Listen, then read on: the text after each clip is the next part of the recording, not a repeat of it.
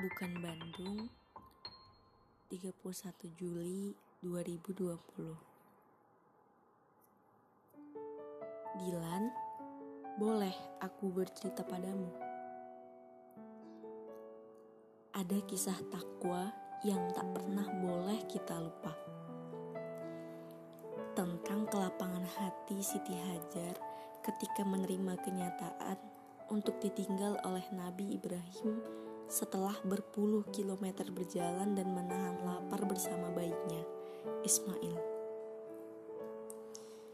Siti Hajar terdiam begitu mendengar jawaban Nabi setelah ditanya apakah perginya beliau merupakan perintah Allah. Dengan kemantapan hati, Siti Hajar mengutarakan, "Kalau begitu, Allah tidak akan menelantarkan kami." Selang beberapa tahun hingga Ismail menginjak usia balik, Nabi Ibrahim kembali kepada Ismail dan ibundanya. Kau tahu betapa besar kerinduan sang anak yang bahkan baru mengenali ayahnya.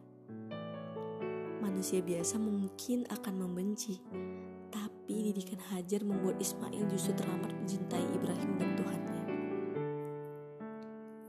Suatu waktu, Ibrahim bermimpi menyembeli Ismail, dan segera ia tahu bahwa itu adalah perintah Allah. Pelajaran tentang lembutnya sang ayah yang bahkan tentang perintah Allah pun masih meminta persetujuan sang anak, menanyakan ketersediaan Ismail untuk disembelih. Hal ini pasti tidak mudah bagi keduanya, tapi Ismail mengiyakan dengan penuh keyakinan. Dengan penuh getaran atas izin Allah, Ketika Nabi Ibrahim nyaris menyembelih putranya itu, pisau yang telah menyentuh leher Ismail justru terasa tumpul. Jangankan terpotong, menggoresi pun tidak.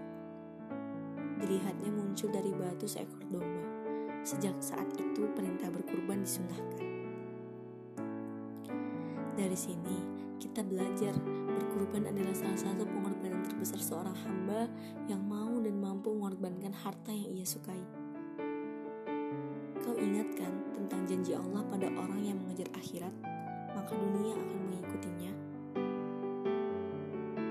Dunia memang begitu fana hingga membuat bingung pemuda seperti aku dan kau untuk bisa terus-menerus mengingat tujuan akhir dari kehidupan ini yang sebenarnya. Lan, boleh aku beritahu sesuatu? Kalau kemarin ujianmu tidak sesuai harapan karena dirimu yang hilaf tidak perlu persiapan, tapi kau sudah berusaha menahan agar tidak lupa bahwa segala proses selalu dilihat dan dipertanggungjawabkan. Itu artinya kamu juga sudah berkorban. Tapi jangan lupa, ada kesempatan nyata di depan sana untuk memperbaiki hilaf yang lalu. Bukan rindu saja yang berat, Dilan tapi justru mempertahankan ketakwaan adalah hal paling berat. Karena harus menanggalkan sesuatu yang tidak disukai Allah, sekalipun kita pikir itu yang terbaik.